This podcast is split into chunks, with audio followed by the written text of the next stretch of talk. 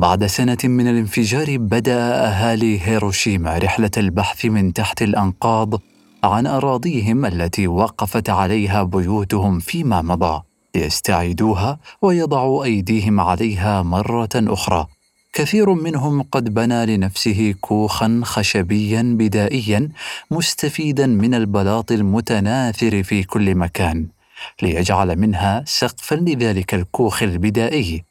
لم يكن هناك كهرباء لإضاءة الأكواخ وكانوا يجتمعون عند الغسق من كل مساء مدفوعين بشعور الوحدة والحيرة وخيبة الأمل في منطقة مفتوحة بالقرب من محطة يوغوغاوا ليتبادلوا البضائع في سوق سوداء وليواسي بعضهم بعضا.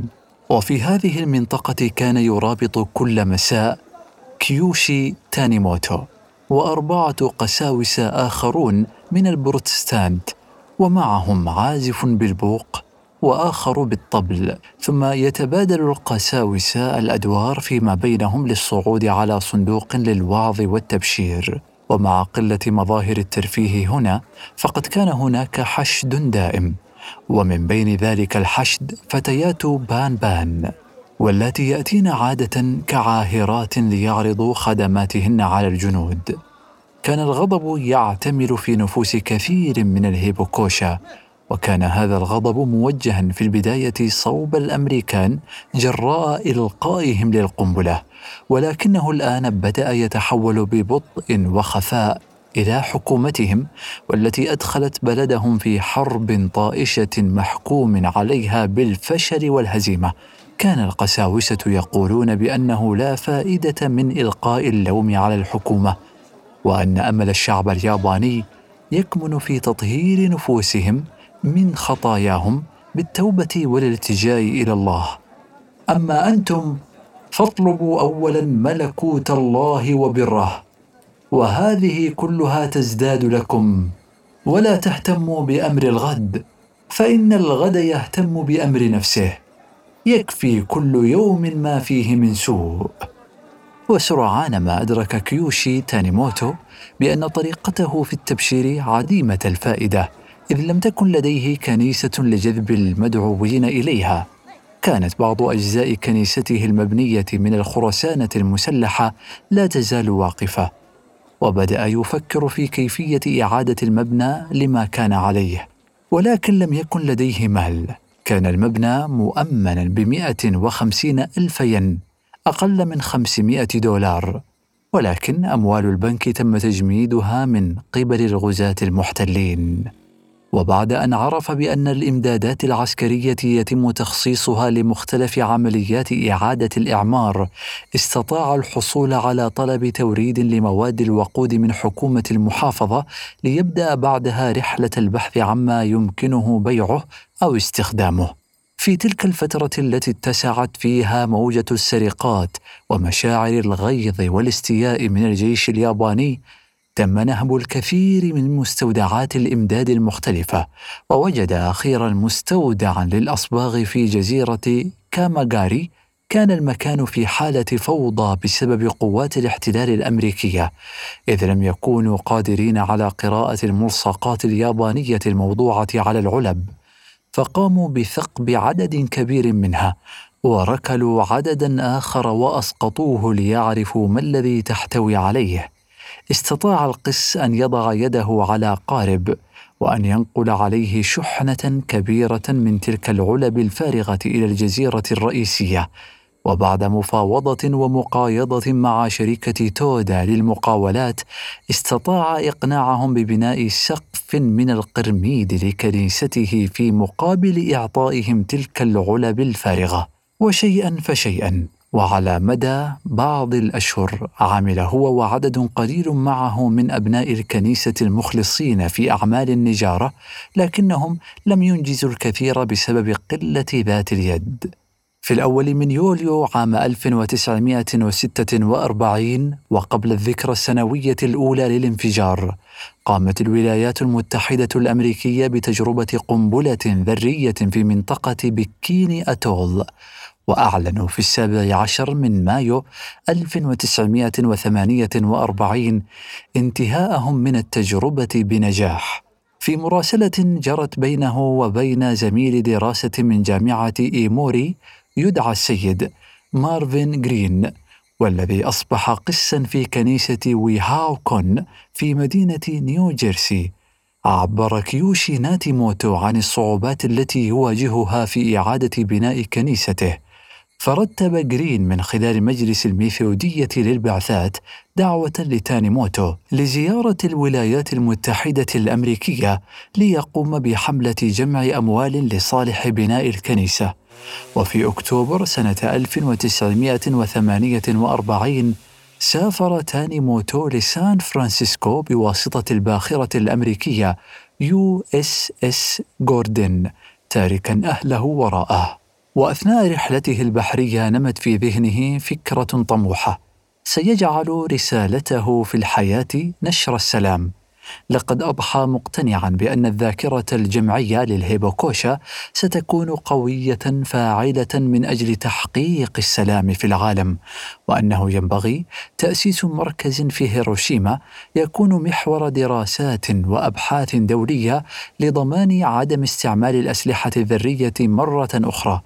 وبعد نظر وتأمل قام بصياغة مذكرة أولية بهذا المشروع. وذلك أثناء وجوده في الولايات المتحدة. ومن غير أن يفكر في أخذ رأي عمدة مدينة هيروشيما شينزو هاماي أو أي مسؤول هناك. وفي أمريكا حل ضيفا على القس مارفن جرين حيث استقر في قبو منزله في كنيسة ويهاكون. طلب القس جرين مساعدة بعض المتطوعين وأضحى مشرفا على عملية جمع التبرعات ومسوقا له. ومن خلال مطالعة دليل الكنائس قام بإعداد قائمة بالكنائس التي يبلغ أعضاؤها 200 شخص فأكثر أو تلك التي تبلغ ميزانياتها أكثر من عشرين ألف دولار. وقام بإرسال منشورات مكتوبة باليد لتلك الكنائس يحثهم فيها على دعوة كيوشي تانيموتو لإلقاء بعض المحاضرات لديهم. وفعلا بدأت الترتيبات لعدد من الرحلات والزيارات ولم يمض وقت طويل حتى أصبح تانيموتو ضيفا على عدد من الكنائس مقدما محاضرة قد جهزها لهذه المناسبة بعنوان الإيمان الذي نما من بين الرماد. وبعد كل محاضرة كانت تجمع التبرعات من الحضور. وأثناء تلك الرحلات كان يعرض تانيموتو مشروع مركز السلام على من يلقاهم. على أمل أن يتبنى الموضوع شخصية مؤثرة. وفي زيارة له إلى نيويورك اصطحبه أحد أصدقائه اليابانيين لمقابلة بيرل باك في مكتب شركة زوجها للنشر. قرأت المذكرة التي كان قد كتبها وشرح لها فكرة المشروع فأبدت له إعجابها بالفكرة لكنها شعرت بعجزها عن مساعدته لانشغالها وكبر سنها. لكنها كانت تعرف الشخص المناسب لتبني الفكرة. نورمان كونزنز رئيس تحرير مجلة ساتردي ريفيو للدراسات الأدبية. وبعد مدة ليست بالطويلة تلقى اتصالا هاتفيا أثناء تجوله في منطقة الريفية بالقرب من أتلانتا لإلقاء بعض المحاضرات. كان المتصل هو كونزنز الذي أخبره بأنه تأثر كثيرا بالفكرة وأنه يفكر في جعل مذكرته مقالة افتتاحية في المجلة. وفي الخامس من مارس سنة 1949 ظهرت المذكرة فعلا على صفحات المجلة تحت عنوان فكرة هيروشيما. وهي فكرة بحسب ما عرضته الكلمة التمهيدية لكونزينز. إن فريق التحرير بالمجلة يؤيدون بحماسة هذا المقترح ويشاركون صاحبه فيه. لقد استفاق أهل هيروشيما بعد حالة الذهول التي اجتاحتهم في أعقاب إسقاط القنبلة الذرية على مدينتهم في السادس من أغسطس سنة 1945 ليدركوا أنهم كانوا جزءا من تجربة معملية أثبتت نتائجها الأطروحة التي كان يبشر بها صانعو السلام منذ مدة طويلة. وقد قبلوا جميعا تلك المسؤولية التي ألقيت على عواتقهم بالمساعدة في منع تكرار مثل هذه الكارثة مستقبلا في أي رقعة من العالم. إن أهل هيروشيما يرغبون بصدق بأن تسهم تجربتهم في تثبيت دعائم سلام عالمي دائم. ومن أجل تحقيق هذه الغاية فإننا نقترح إقامة مركز سلام عالمي بعيد عن التمييز الطائفي وسيكون بمثابة مختبر للأبحاث والخطط لنشر ثقافة السلام في كل مكان. وفي الواقع فقد كان أهل هيروشيما جميعا في غفلة عن هذا المقترح الذي قدمه كيوشي تانيموتو والذي تبناه الآن نورمان كونزينز لكنهم كانوا واعين جدا بالدور المحوري الذي ستلعبه مدينتهم في الذاكرة العالمية. في السادس من أغسطس والموافق للذكرى السنوية الرابعة للانفجار أصدر البرلمان الياباني قانونا يقضي بجعل مدينة هيروشيما مدينة سلام. وتم الكشف عن التصميم النهائي للحديقة التذكارية بالسلام والتي صممها المهندس المعماري الياباني العظيم كينزو تانجي سيوضع في قلب الحديقة نصب تذكاري مهيب لأولئك الذين قضوا في الحادثة على شكل بانيو قبر مجوف. والذي يفترض أنه منزل للأموات كما تم الكشف عن مقابر تاريخية قديمة جدا في اليابان. وقد تجمع حشد هائل من أجل مشاهدة الحفل التذكاري السنوي للسلام. كان تانيموتو بعيدا عن كل هذا وهو يتجول بين مختلف الكنائس الأمريكية. وبعد أيام قليلة من الذكرى قام نورمان كونزينز بزيارة هيروشيما. كان كونزينز قد استبعد من رأسه فكرة كيوشي تانيموتو لصالح فكرة أخرى خطرت له. وهي التقدم بعريضة دولية لدعم الاتحاد العالمي الفيدرالي وهي مجموعة تدعو لحكومة عالمية إلى الرئيس ترومان والذي أمر بإلقاء القنبلة وفي غضون فترة زمنية قصيرة حظيت العريضة بمئة وسبعة آلاف وثمانمائة وأربعة وخمسين توقيعا من أهل هيروشيما. وبعد أن زار كونزينز أحد دور الأيتام عاد إلى الولايات محملا بفكرة أخرى أيضا التبني الأخلاقي لأيتام هيروشيما حيث يقوم عدد من الأمريكان بكفالة أولئك الأطفال ماليا. واستمر جمع التوقيعات لعريضة الاتحاد الفيدرالي العالمي في كل مكان حتى في الولايات المتحدة. ولم يكن تانيموتو يعرف إلا القليل جدا عن هذه المنظمة في ذلك الوقت. لكن فرح جدا حين عرض عليه كونزنز أن يكون من ضمن الوفد الذي سيقدم العريضة إلى الرئيس ترومان. لكن الرئيس هاري ترومان للأسف رفض استقبال هذا الوفد بل رفض استلام العريضة أصلا. في الثالث والعشرين من سبتمبر عام 1949 أعلن راديو موسكو أن الاتحاد السوفيتي قد طور قنبلة ذرية وفي نهاية العام كان كيوشي تانيموتو قد زار 256 مدينة في 31 ولاية واستطاع أن يجمع نحو عشرة آلاف دولار من أجل كنيسته. وقبل أن يغادر عائدا إلى بلده أخبره مارفين جرين بأنه كان على وشك التخلي عن سيارة الكادلك الخضراء القديمة الخاصة به. وأن صديقه تاني اقترح عليه أن يتبرع بها للكنيسة في هيروشيما وهو ما فعله. ومن خلال أحد معارفه اليابانيين ممن يعمل في الشحن استطاع تاني موتو ترتيب أمر شحن السيارة إلى اليابان مجانا. وحين وصل تانيموتو إلى وطنه في بداية سنة 1950 تواصل مع عمدة المدينة هاماي وحاكم المحافظة تسوني كوسونس طالبا منهم دعما رسميا لفكرة تأسيس مركز السلام لكنهم رفضوا الأمر. لقد منع الجنرال دوغلاس ماكارثر القائد الأعلى لقوات الاحتلال من خلال قانون الصحافة وغيرها نشر أي تقارير عن عواقب وتداعيات إلقاء القنبلة الذرية على هيروشيما وناغازاكي بما في ذلك رغبات السلام التي بدأت تنتشر في أعقاب الكارثة. وقد اعتقد المسؤولون الحكوميون بأن مقترح تانيموتو بتأسيس مركز للسلام سيضع الحكومة المحلية في ورطة لكن ذلك لم يثني تانيموتو والذي دعا عددا من الوجهاء وأقنعهم بفكرته. وبعد أن أسس نورمان كونزينس مؤسسة هيروشيما للسلام في نيويورك لتلقي الدعم الأمريكي قام هو بمساعدة من حوله بتأسيس المركز هنا في هيروشيما ولتكون كنيسته قاعدة لها.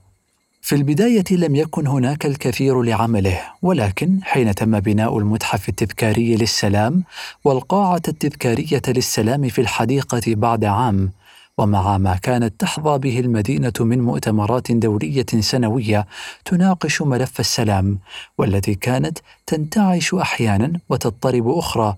بدأت البذور المبكرة التي زرعها كيوشي تانيموتو تؤتي أكلها ونتيجة لشجاعته في تجاهل القيود التي فرضها ماكارثر. فقد حظي جهوده بتقدير واحترام عدد من أهالي هيروشيما. وصلت سيارة الكادلك فقرر هذا القس المبتهج أن يأخذ شريبة البنزين هذه في لفة. وبينما كان يصعد بسيارته مرتفعات هيجياما الواقعة شرق المدينة. أوقفه أحد رجالات الشرطة وألقى القبض عليه. إذ كان يقود السيارة دون رخصة. ومع هذا في الوقت الذي بدأ فيه تاني موت العمل كقس لأكاديمية الشرطة وحين شاهده عدد من كبار الضباط في المخفر وهو يقتاد للحبس ضحكوا كثيرا وتركوه يذهب. وفي منتصف صيف عام 1950 دعا كونزنز تانيموتو للعودة إلى الولايات المتحدة الأمريكية في جولة ثانية وذلك من أجل جمع الأموال للاتحاد العالمي الفيدرالي ومن أجل مشروع التبني الأخلاقي بالإضافة لمركز السلام بهيروشيما. وفي وقت متأخر من شهر أغسطس ذهب تانيموتو للولايات المتحدة مرة أخرى. وكما كان الحال من قبل فقد رتب مارفن جرين شأن زيارته. وفي هذه المرة استطاع زيارة 201 من المدن في 24 ولاية. على مدى ثمانية أشهر. كانت أجمل تجربة مرت به في هذه الرحلة وربما في حياته كلها ما وقع عند زيارته لواشنطن. وقد كان المسؤول عن ترتيبات شأن هذه الزيارة كوزينز. حيث قام تانيموتو في الخامس من فبراير لسنة 1951 وبعد تناول الغداء مع أعضاء لجنة الشؤون الخارجية في مجلس النواب بتلاوة دعاء استفتاح ما بعد الظهيرة بمجلس الشيوخ. أبانا الذي في السماء نشكرك على نعمك العظيمة فأنت من وهبت أمريكا القدرة على بناء أعظم حضارة في تاريخ البشرية في عقد من الزمان نشكرك يا الله أن جعلت اليابان أحد أولئك المحظوظين الذين استقبلوا هذا السخاء الأمريكي. نشكرك أن وهبت شعبنا الحرية ومكنتهم من النهوض من بين رماد الخراب ليولدوا من جديد. بارك الله جميع أعضاء مجلس الشيوخ هذا. نهض نائب ولاية فيرجينيا السيناتور اي ويليس روبرتسون وأعلن أن ما سمعه شكل بالنسبة إليه صدمة وفي الوقت نفسه مصدر إلهام. ها هو رجل ممن حاولنا قتله بقنبلة ذرية يأتي إلى مجلس الشيوخ ويقدم شكره إلى ذات الرب الذي نعبده ويشكره على الإرث الروحي العظيم لأمريكا ثم يسأله أن يبارك كل عضو في مجلس الشيوخ. في اليوم الذي سبق إلقاء القنبلة على هيروشيما كانت المدينة تعيش حالة خوف من الغارات الجوية المحرقة ولأجل ذلك أخرجت مئات الطالبات إلى الشوارع للمساعدة في تهديم البيوت وإخلاء مسارات مكافحة النيران. كانوا في الخارج حين انفجرت القنبلة فلم ينج منهن إلا القليل. ومن نجا منهن عانت معاناة مرة من الحروق الفظيعة. ثم من ندوب الجدرة البشعة على وجوههن وأيديهن. وبعد شهر من عودة تانيموتو من رحلته الثانية للولايات المتحدة ابتدأ مشروعا من مشاريع مركز السلام الخاص به حيث افتتح صفا لدراسة الكتاب المقدس مخصصا لعدد من تلكم الفتيات. وقد سماه جمعية فتيات الجدرة.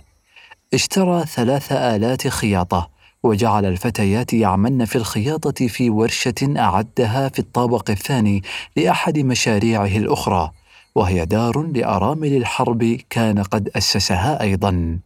وطلب من حكومة المدينة تمويلا من أجل إجراء عمليات تجميل للفتيات اللاتي يعانين من الجدرة لكن رفض طلبه.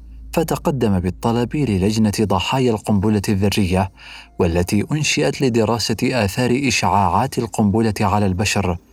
تلك الآثار التي فشل من أمر بإلقاء القنبلة فشلا ذريعا في التنبؤ بها لكن اللجنة اعتذرت بأن عملها يقوم على الرصد والبحث وليس على تقديم العلاج. لقد كان واقع هذه اللجنة يثير غيظ وحنق الهيبوكوشا. إذ كانوا يرون أن الأمريكان يتعاملون معهم باعتبارهم مجرد فئران تجارب.